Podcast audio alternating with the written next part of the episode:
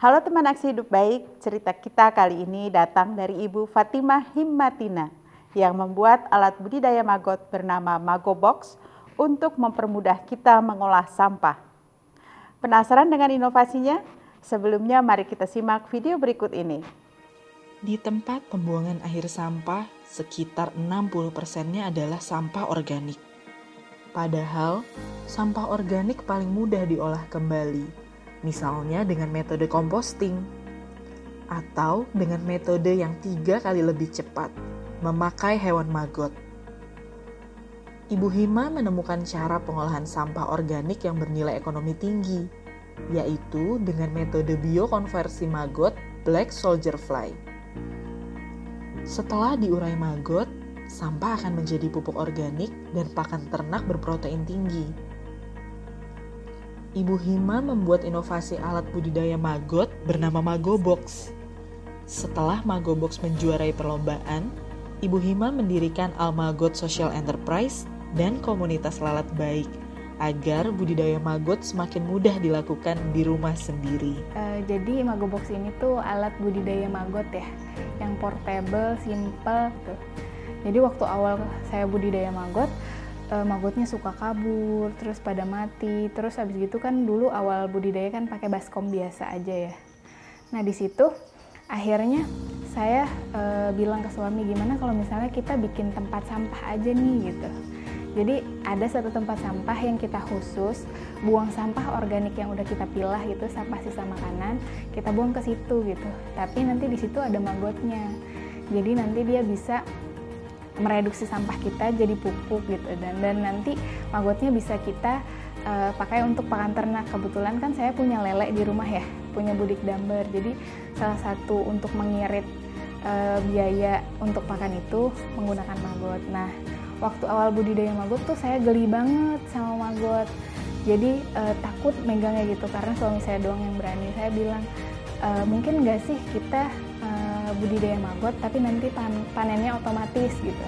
Ternyata pas dipelajarin ketika usianya udah 25 hari masuk warnanya warna coklat itu namanya prepupa dia punya kecenderungan untuk kabur untuk mencari tempat yang kering gitu nah dari karakteristik itu akhirnya kita pelajarin gimana kalau kita fasilitasi nih box tempat sampah ini ada jalur migrasinya. Jadi ketika dia mau migrasi, pindah nih pas masanya, dia udah dia lewat jalur itu dan akhirnya bisa panen otomatis. Ya Ibu Fatimah yang saya tahu untuk pengurangan sampah ini berperan sekali eh, juga bekerja sama dari dengan LH ya.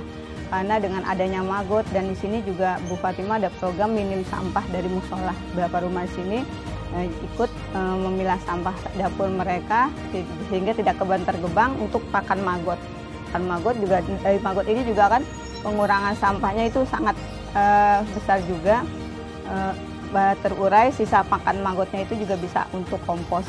Jadi sangat membantu untuk pengurangan sampah dan dari warga sekitar juga.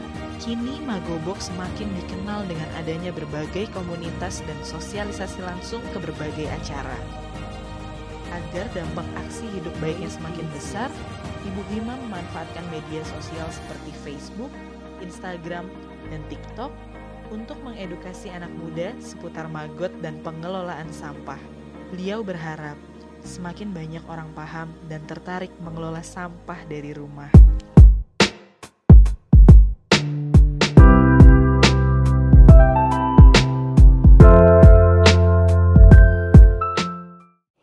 Cerita mungkin awalnya gimana awal, kok bisa tertarik gimana? sama magot gitu? Iya, jadi awalnya mulai ini pas satu tahun yang lalu tepatnya pas pandemi, pas pandemi COVID ini kan eh, keluarga kami salah satu yang terdampak secara ekonomi di pandemik ini gitu ya. Jadi penghasilan keluarga memang menurun, tapi di sisi lain kita punya waktu luang yang lebih banyak, banyak. karena harus di rumah aja gitu hmm. kan.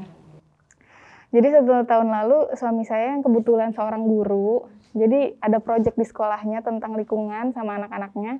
Nah dia pertama kali kenal sama black soldier fly. Black soldier fly itu fase serangganya dari maggot ini nih. Jadi kan biasanya kita tahunya lalat hijau, lalat uh, rumah gitu kan. Ini ada namanya lalat tentara hitam, lalat black soldier fly. Nah, dia penasaran mau budidaya ini karena setelah dia baca nih suami saya baca ternyata lalat ini manfaatnya luar biasa apalagi untuk mengolah sampah gitu kan Eh, nah, waktu itu dia tawarkan ke saya gitu, eh, gimana kalau kita coba budidaya di rumah gitu kan. Sebagai seorang perempuan ya kan, naluriah kalau ngelihat yang uget-uget gitu, oh, saya nolak gitu iya, kan. Iya, iya, Yang namanya kayak ulet gitu kan. Tapi suami saya coba kayak persuasi gitu, ini uh, luar biasa loh manfaatnya, bisa ngisi waktu luang dan kita bisa memanfaatkan sampah yang terolah, bisa jadi pakan ternak, bisa jadi pupuk. Kebetulan di rumah memang ada budik dambar yang pelihara lele oh. ikan lele gitu kan terus hmm. ada tanaman-tanaman juga kan akhirnya berpikir ya mudah-mudahan ini bisa kita ambil manfaatnya si magotnya jadi pakan ternak terus nanti sampah yang terolahnya kan jadi pupuk pupuknya buat tanaman jadi awalnya kayak gitu tuh hmm. jadi untuk kepentingan di rumah dulu iya untuk kepentingan di rumah karena memang ternyata magot ini luar biasa kan gitu ya nah pas lagi perjalanan coba tuh tahun lalu kita ngalamin banyak kendala. Karena biasanya kan maggot itu dibudidaya sama peternak-peternak pakai lahannya luas gitu ya. Lahannya luas gitu kan. Nah kita mau coba budidaya di rumah nih gitu kan. Nah banyak kendala yang saya sama suami alamin. Mulai dari maggotnya terus suka kabur. Iya dulu tuh maggotnya suka kabur. Kan aku geli kan ya maggotnya suka kabur pertama diri sendiri geli terus kedua diprotes tetangga. Ini apa nih? Jalan-jalan gitu kan. Terus abis gitu uh, karena kita belajarnya baru sedikit kan tentang maggot itu kok jadi bau ya gitu. Padahal kalau misalnya kita pelajari kalau uh, olah sampah pakai maggot itu harusnya nggak bau gitu kan. Kita belajar terus gitu kan baca buku dibeliin buku terus kita nonton YouTube segala macam. Sampai akhirnya saya terfikirkan bilang sama suami bisa nggak ya kita buat suatu alat gitu ya? Mesti tempat sampah khusus maggot. Nah waktu itu bilangnya kayak gitu. Bikin tempat khusus maggot jadi nanti sampah yang udah saya pilih dari dapur ya udah tinggal buang di situ aja tapi nanti tempat sampah itu isinya maggot gitu kan. Nah karena permasalahan yang kami alami tuh mulai dari maggot suka kabur bau gitu kan akhirnya kita belajarin terus nih karakteristiknya si maggot. Ternyata pada fase uh, dia mau panen nih pas uh, umur 2 minggu tiga minggu dia tuh punya karakteristik suka migrasi suka kabur gitu tuh nah kita bikin tempat sampah ini ada trapnya, jadi dia nggak bisa kabur kecuali lewat jalur migrasi. Jadi nanti pas dia mau panen nih, dia jalan sendi sendiri gitu kan, karena emang naluriahnya, naluriahnya pada juga. umur dua minggu dia merasa udah cukup makan, karena kan maggot itu pada fase larvanya kan hanya makan aja kan, makan sampah, makan sampah, makanya sampah tereduksi kan. Nah ketika pada umur dua minggu lebih gitu ya, tiga minggu, dia akan udah ada sinyal dalam tubuhnya cukup makan dan ingin melanjutkan ke fase lalatnya. Nah, dia bakal jalan sendiri. Nah, itu kita buat alat ini, kita fasilitasin. Jadi nanti dia jalan sendiri, nanti kepanen sendiri. Jadi memudahkan juga kan waktu itu awal-awal aku masih geli kan, bisa misahin maggot sama pupuknya kan susah ya gitu kan. Akhirnya setelah ada ini, wah maggotnya pindah sendiri nih, bisa migrasi karena naluri hanya itu kita fasilitasin gitu kan. Jadi lebih mudah. Jadi sekarang kalau mau ngasih makan ikan lele, tinggal diambil toplesnya, langsung kasih ke lelenya gitu. Jadi itu sih kemudahan yang yang dari masalah yang kita alamin di rumah, kita coba cari apa namanya cari solusinya. Akhirnya terciptalah inovasi ini. Tadinya awalnya niatnya buat bantu di rumah doang gitu. Gitu. Tapi ternyata habis itu suami kan emang suka ikut uh, ikut uh, kompetisi ya. Jadi dia pengen validasi ide kami ini nih inovasi. Jadi mulai, waktu tahun lalu tuh kami ikut lomba-lomba sampai sekarang juga ikut lomba-lomba. Nah, salah satunya virtual hackathon 2020. Ternyata kami juara satunya senasional yang virtual hackathon itu gitu. Di bidang global goal games gitu deh. Sampai sekarang jadi dikenal nih Magobox gitu. Magobox. Uh -uh. Oke. Okay. Nah, awalnya kali waktu eksperimen di rumah bentuknya nggak seperti ini kali? Enggak. ya. Nah, terus gimana ceritanya bisa sampai kemudian punya bentuk standar seperti -hmm. ini? Jadi awalnya kan kita coba berbagai macam ya Bu ya. Coba pakai tong, tadinya kan tong tong tong ember-ember bekas cat gitu kan. Terus habis gitu kita coba pakai box yang kayak gini juga. Terus nah kebetulan yang ini nih ada ceritanya. Jadi kita salah beli nih awalnya, tapi ternyata ini adalah produk yang paling laris si Mago Box yang XL ini ya. Jadi awalnya kita beli box yang ini uh, dibilang deskripsi uh, produknya tuh tingginya lebih tinggi dari ini gitu kan. Hmm. Pas nyampe kok pendek banget tapi ternyata uh, daripada Di sayang kita ya, nggak pakai ah, ya. di online belinya belinya di online Permasalahan karena kesalahan itu tapi kan sayang nih udah dibeli ya udahlah coba dikreasin eh malah ternyata dari semua model yang kita coba gitu kita riset di rumah ini yang paling efektif buat budidaya maggot gitu. Yang besar karena bisa digunakan nggak cuma di rumah tapi bisa ngajak eh, lingkungan sekitar tetangga tetangga gitu jadinya Jadi warga yang tadinya kebauan sekarang pada pakai ini semua. Eh, eh, enggak, maksudnya tetap eh, kita yang pakai, tapi eh, aku ngajak tetangga-tetangga. Jadi waktu itu sistemnya gini, aku kasih box-box karena kan budidaya maggot kan perlu belajar juga kan. Nah, karena udah ada kami di situ di satu gang itu kan udah ada kami. Jadi kami ajak kolaborasi nih tetangga-tetangga.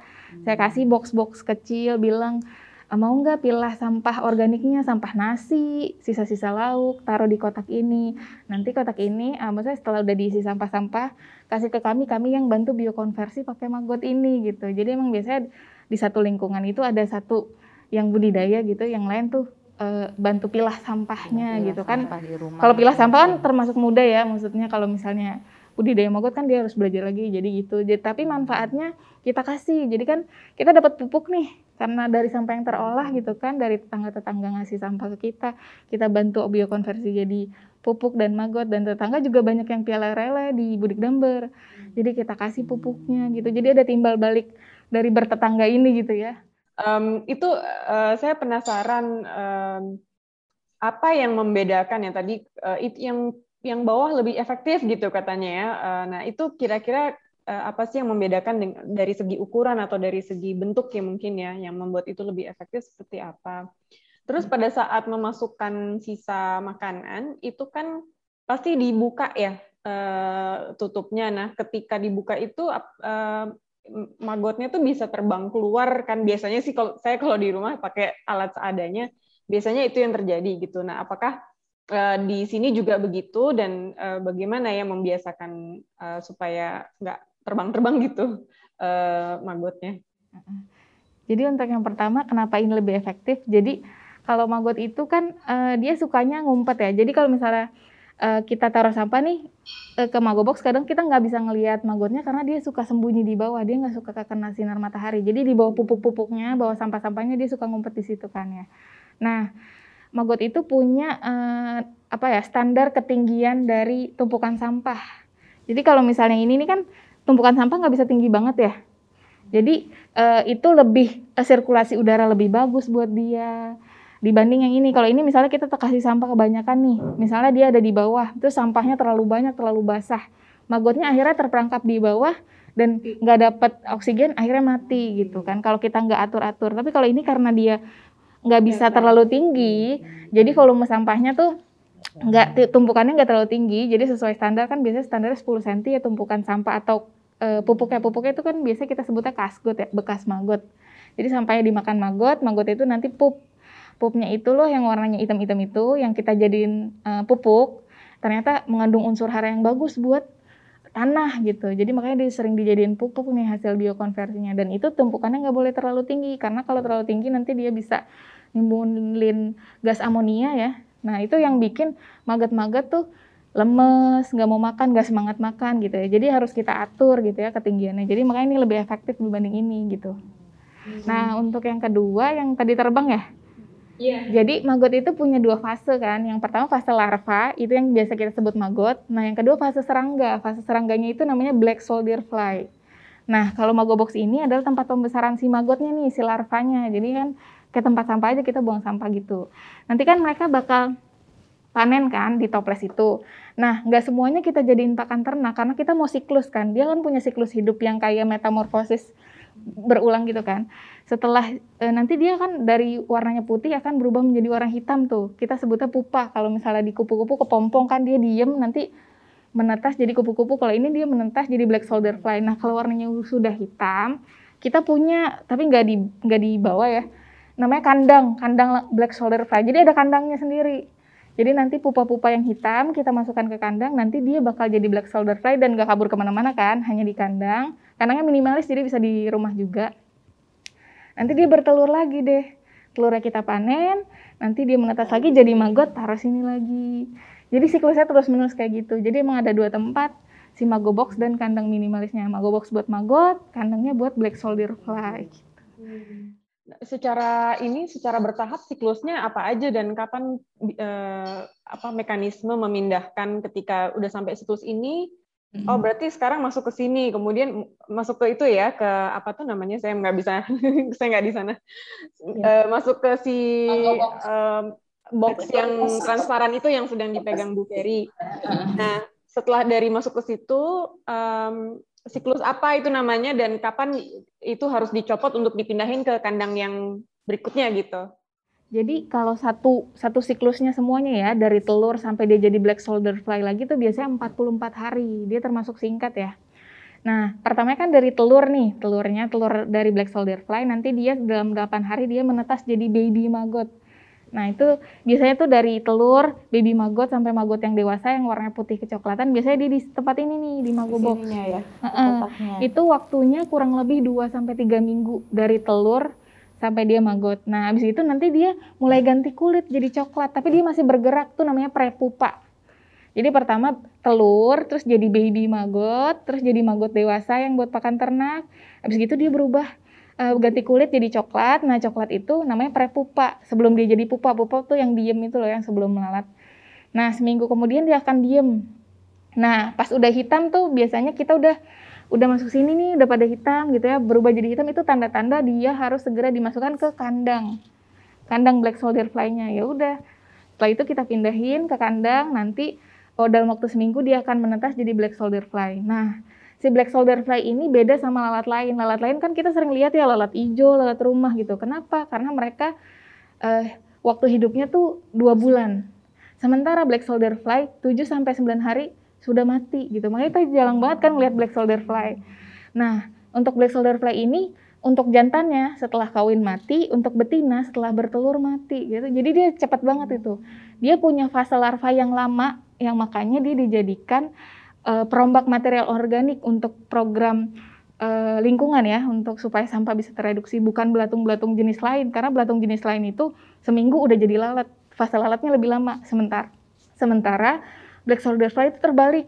Fase lalatnya singkat tapi fase larvanya oh, lama. jadi dia dijadiin agen untuk bantu untuk pengelolaan sampah gitu. Dan ternyata kandungan proteinnya 40% luar biasa. Jauh lebih tinggi dibanding pelet yang biasa dipakai untuk pakan ternak pakan makanya makanya magot tuh uh, ini ya sangat direkomendasikan untuk dijadikan pakan ternak. Ternyata setelah diteliti juga mereka kan punya sistem pencernaan ya. Di dalam sistem pencernaannya itu terdapat banyak enzim.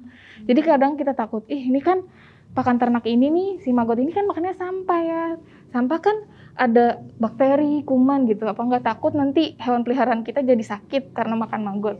Ternyata karena enzim yang ada di tubuh magot ini uh, ketika ada bakteri yang masuk ke dalam uh, tubuhnya maggot nih dari sampah yang terolah itu akan mati 98 persennya sampai E. coli pun mati dalam tubuh maggot hmm. gitu.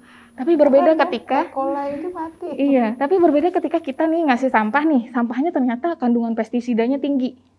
Kalau misalnya bakteri alamiah yang kayak E. coli gitu kan bakteri alamiah mati di dalam tubuh maggot, tapi kalau misalnya kita kasih sampah yang uh, pestisidanya tinggi, kimianya tinggi, magotnya yang mati gitu. Jadi dia rentan sama bahan kimia, tapi dia bisa mematikan eh, bakteri-bakteri yang alamiah gitu. Makanya dia keren banget dan sangat direkomendasikan untuk jadi pakan ternak. Ibu Fatima, aku mau tanya sedikit kalau boleh diceritakan tentang almagotnya sendiri dan cara mungkin pendekatan uh, bisnisnya ya. Karena aku sempat baca portfolio dari Mbak Ibu Fatima ini kan artinya ketika sudah mengeluarkan inovasi Mago Box-nya, kan ada prototipenya, dilombakan, menang, lalu um, bersama suami mendirikan Almagot ya, Almagot Indonesia sebagai social enterprise. Artinya, um, apakah si Mago Box ini dijual um, ke orang-orang beserta si kandang BSF-nya juga, atau dia diberikan secara cuma-cuma sebagai bagian dari um, social impact-nya, atau bagaimana ya sistem sustainability bisnisnya? Jadi awalnya kan uh, setelah kita menang lomba tuh banyak banget yang tertarik kan, uh, banyak yang kayak kan kami suka sharing aktivitas kami budidaya maggot di Instagram gitu kan, di TikTok gitu kan. Ternyata banyak banget orang Indonesia yang baru tahu tentang Black Soldier Play ini. Jadi banyak teredukasi lewat konten-konten yang kami buat di Instagram di TikTok. Nah di situ kan mulai banyak permintaan tuh untuk coba dong buka PO gitu kan. Nah dari situ uh, kami berpikiran untuk oh jangan-jangan ini alat inovasi kita bisa dimonetize gitu ya. Oke itu awalnya uh, setelah alat ini fix kita coba jualan by pesanan gitu ya. Uh, ada yang pesan baru dibuatin sendiri gitu cuma berdua sama suami. Sampai akhirnya di bulan April kami diajak kolaborasi sama perusahaan waste management namanya Biomek Indonesia. Biomek Sinergi Internasional. Nah dia itu emang perusahaan waste management yang biasa kerjasama sama restoran, sama supermarket untuk mengolah sampah organiknya dengan biokonversi maggot gitu. Nah dia tertarik dengan alat inovasi kami, akhirnya kita kolaborasi nih. Karena sebelumnya kita produksi di rumah sendiri kan dengan posisi aku ada anak dua gitu kan dengan keribetannya luar biasa akhirnya alhamdulillah terbantu banget nih dengan kolaborasi ini jadi produksinya kerja sama Biomed sampai sekarang bulan September 2021 Mago Box ini sudah terjual lebih dari 500 box ke seluruh ke seluruh Indonesia dan Malaysia nah dari situ kan emang awalnya kan niat saya sama suami tuh usaha ini bukan cuma buat profit ya karena emang awalnya kan pengen ngambil manfaatnya kebetulan suami saya tuh uh, ketua remaja masjid bu. Hmm. Nah jadi waktu itu pas awal-awal budidaya gini kita sama-sama kepikiran bahwa kayaknya bisa nih menggerakkan remaja masjid untuk mengolah sampah jamaahnya. Kan kalau gitu pandemik tuh isunya gini, nggak cuma masyarakat nih yang kesulitan secara ekonomi. Ternyata masjid-masjid dan musola-musola mereka kekurangan operasional karena memang semakin sedikit orang yang eh, sedekah gitu dalam bentuk uang. Mungkin akhirnya aku sama suami berpikir mungkin gaya kita bikin program di musola yang dekat rumah itu. Jadi pemberdayaan remajanya untuk bisa budidaya maggot di musola dengan sampah-sampah dari yang sekitar-sekitar musola aja gitu ya dengan budidaya maggot gitu. Tapi pas waktu kita tawarkan ke masjid dan musola itu kita mengalami pengenolakan gitu kan karena memang kalau misalnya mau diadain musola kan mereka harus ngeluarin dana untuk magobox lah untuk ini segala macam. Dari situ saya sama suami bilang bahwa mungkin kita eh, nggak eh, bisa nih berharap sama dana hibah atau CSR perusahaan gitu ya untuk e, ketika dapat dana baru kita ngejalanin program sosial. Gimana caranya kita bisa mandiri gitu. Kita bisa mendapatkan penghasilan, nanti sebagian profitnya kita bisa melakukan program pemberdayaan. Jadi nggak nunggu bantuan dari orang, semoga kita bisa bikin usaha yang 50% profitnya nih Almagot Maya kita bikin social enterprise karena 51% profit dari Almagot ini kita uh, gunakan untuk sosial dan jadi kita kasih box gratis, budik damber buat budidaya lele, tempat tanpa pilah gitu ya. Semoga dari masjid ini bukan jadi tempat ibadah doang gitu ya, tapi bisa jadi masjid dan musola yang kita berdayakan itu pusat edukasi pilah dan olah sampah gitu ke jamaahnya gitu kan. Nanti sampah e, anorganiknya kan dikumpulin tuh ya, nanti kerjasama sama bank sampah RW. Jadi e, sampah e, sampah anorganiknya nanti dijual ke bank sampah RW, hasilnya nanti jadi operasional buat musola Sementara untuk anorganik, eh organiknya nih yang di budidaya maggot, nanti kan dapat pupuk ya. Jadi jamaah-jamaah yang ngasih sampah organik kita kasih pupuk gitu. Jadi ada ada pemberdayaan marbot-marbot di sini. Jadi awal-awal almagot tuh kayak gitu gitu. Oke, terima kasih Bu Fatimah. Aku mau tanya satu lagi yang terkait ininya deh hasil uh, panen dari magotnya. Kalau untuk um, biasanya orang yang membeli Mago Box ini, apakah memang mereka sudah melakukan budidaya terhadap you know, se, se, binatang ternak, misalnya lele, kah, gurame, atau ayam dan lainnya sehingga hasil panen magotnya mereka berikan ke peliharaan tersebut atau mereka kebanyakan memang ingin mem memiliki mago box ini untuk komposnya itu seperti apa ya karakteristik orang biasa membeli mago box? uh, sebulan yang lalu saya pernah survei gitu ya, ngasih kayak Google Form gitu ya, buat para pembeli Magobox nih. Saya juga pengen tahu nih sebenarnya orang-orang yang beli Magobox kebanyakan backgroundnya apa gitu ya. Nah ternyata yang paling besar adalah lebih dari 50% mereka punya ternak. Jadi punya lele, punya ikan, atau enggak mereka punya kayak pokoknya punya semacam koi atau peliharaan-peliharaan ya, baik hewan ternak maupun hewan hobi gitu ya, yang pengen menghasilkan pakan ternak sendiri karena kan kalau di di pasaran tuh maggot itu kan pakan pakan ini ya premium gitu. Karena yeah. karena proteinnya tinggi dia jadinya pakan premium buat hewan-hewan yang kayak ikan-ikan predator, reptil gitu kan jadinya premium. Memang harganya juga lumayan premium gitu ya. Nah mereka pengen pengen menghasilkan uh, ternak sendiri nih. Akhirnya coba magobox kebanyakan itu lebih dari 50% yang kedua yang mau coba composting yang emang orang-orang yang punya uh, jiwa gitu ya tergerak untuk uh, ngelakuin uh, apa ya peduli lingkungan mengolah sampah. Yang biasanya udah composting terus tertarik sama magot gitu ya nah sisanya adalah orang-orang yang emang gini uh, wah bisa nih magotnya dijual gitu. Karena kan memang magot punya nilai jual. Jadi mereka sengaja beli mago box untuk usaha magot. Jadi nanti magotnya dijual ke pemancingan atau ke peternak sekitar rumah gitu. Tapi nggak terlalu besar dibanding orang-orang yang memang punya ternak di rumah. Iya tadi Ibu Fatima uh, aku bertanya soal hasil panen magotnya. Apakah sebagai pakan memang bisa langsung diberikan um, apa adanya atau harus dikeringkan dulu dan apakah kalau tidak dikeringkan lalu penyimpanannya seperti apa kalau memang itu ingin disimpan gitu oleh oleh uh, pemilik ternak. Jadi uh, kan ini contoh yang udah dikeringkannya ya. Jadi sebenarnya kalau misalnya mau dipakai langsung itu bisa ya. Jadi masih hidup ya ketika memang usianya sudah cukup, sudah dewasa bisa langsung diberikan gitu. Tapi biasanya hewan-hewan jenis tertentu gitu ya, misalnya kayak lele, nila itu bisa langsung gitu ya, atau koi bisa langsung gitu. Tapi kenapa kita keringkan gitu? Karena memang mau e, menjaga usianya supaya bisa digunakan lebih lama. Karena kan kalau misalnya dia kan secara e, hewan yang hidup ya, secara alamiah dia akan berubah menjadi fase selanjutnya, jadi prepupa akan hitam. Ketika hitam itu kulitnya jadi semakin keras, jadi susah dimakan sama hewan-hewan ternak. Jadi hmm. makanya pada fase dewasa untuk oh kita simpan nih jadi bisa disimpan bisa dikeringkan. Dan dikeringkannya pun nggak harus punya oven di rumah kita bisa sangrai. Jadi cukup disangrai tapi biasanya sangrainya tuh pakai pasir ya bantuan pasir supaya nggak nempel-nempel di wajannya. Jadi pasirnya tuh yang kayak pasir hitam itu loh pasir yang buat kerupuk itu.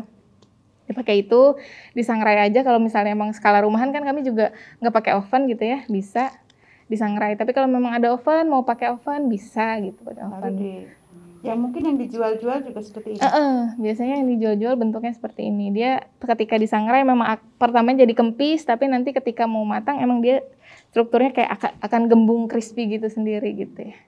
Oke, okay. jadi artinya kalau bisnis modelnya Almagot Indonesia sendiri selain dari menjual Mago Boxnya, artinya teman-teman uh, Ibu Fatima juga menjual Magot yang sudah dikeringkan begitu ya ke, ke para peternak dan juga menjual itu ya apa uh, semacam kandang kandang si black soldier fly-nya itu itu seperti itu kah? Iya. Jadi untuk saat ini uh, kami menjual lebih ke starter kit ya. Jadi mago box, kandang lalat, tempat lalat bertelur gitu ya. Tapi kami pengen uh, kami juga sering banget ditanyain gitu gimana kalau misalnya orang-orang kesusahan nih menjual magotnya karena udah udah panen magot terus magotnya bingung mau jual di mana oh, gitu kan. Diapain nih magotnya? Dia nggak punya ternak. Nah kami sedang menyusun konsepan ya mudah-mudahan bisa segera berjalan bekerja sama sama Biomek mudah-mudahan ke depannya orang-orang yang pakai magobox dan menghasilkan magot dan e, bingung jual ke mana bisa kita kita tampung gitu.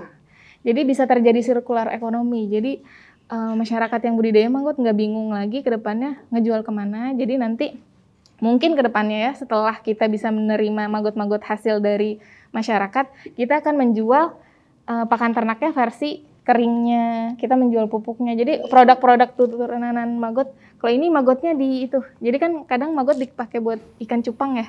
Kan ikan cupang bukaan mulutnya kecil. kecil.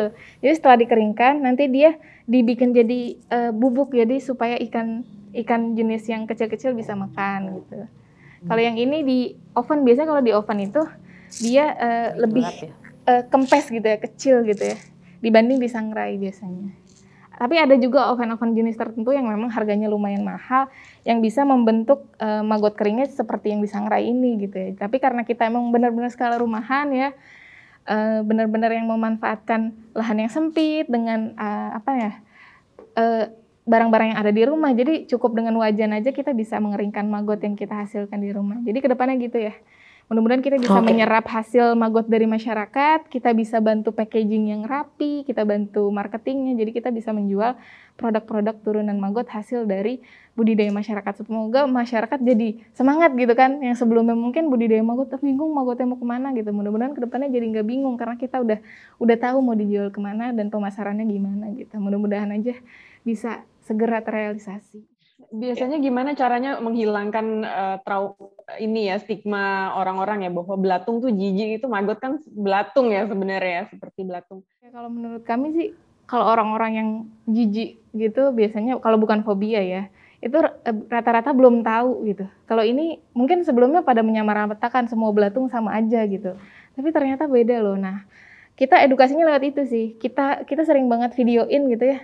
Pas uh, magotnya migrasi, dia kan jalan lucu banget gitu kalau aku ya pengalaman aku di rumah gitu. Ternyata yang dulunya aku juga takut gitu ya setelah ngejalanin, setelah bisa gitu ya. Ternyata aktivitas ini menyenangkan gitu uh, aktivitas ketika dia makan kita taruh misalnya buah nih ntar mereka langsung makan buah terhabis itu sebuah keseruan kalau menurut wah seru banget liatnya gitu kan apalagi sekarang kan bisa uh, masuk juga ke ini ya kami lagi apa ya masuk ke edukasi untuk anak-anak. Karena kan di SD itu kan ada pelajaran life cycle ya siklus hidup yang biasanya pakainya uh, guru-guru hanya menjelaskan apa tentang uh, lifestyle-nya kupu-kupu atau yang biasa aja. Sekarang mereka suka ngundang kita gitu untuk cerita tentang life cycle-nya Black Soldier Fly. Luar biasa, insya Allah dampak uh, dari aksi hidup baik Bu Hima dan keluarga semakin luas dan uh, kita semua bisa merasakan manfaatnya.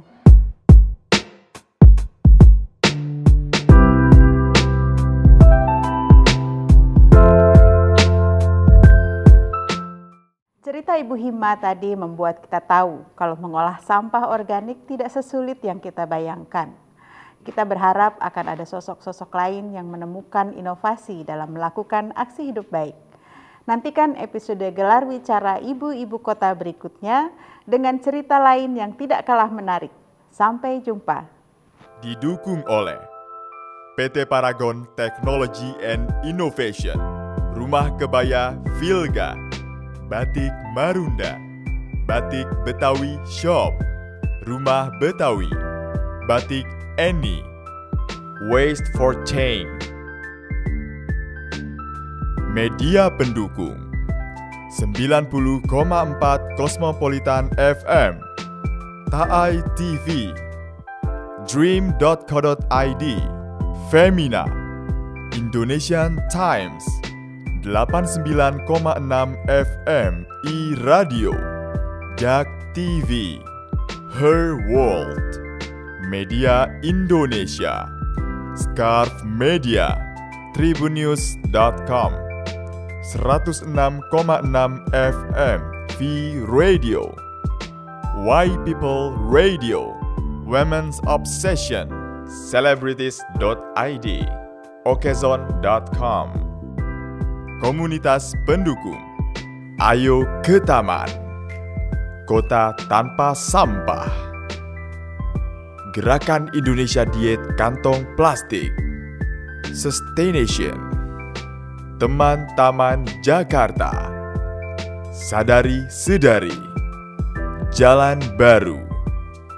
Lindungi Hutan Jadetabek. Plus Jakarta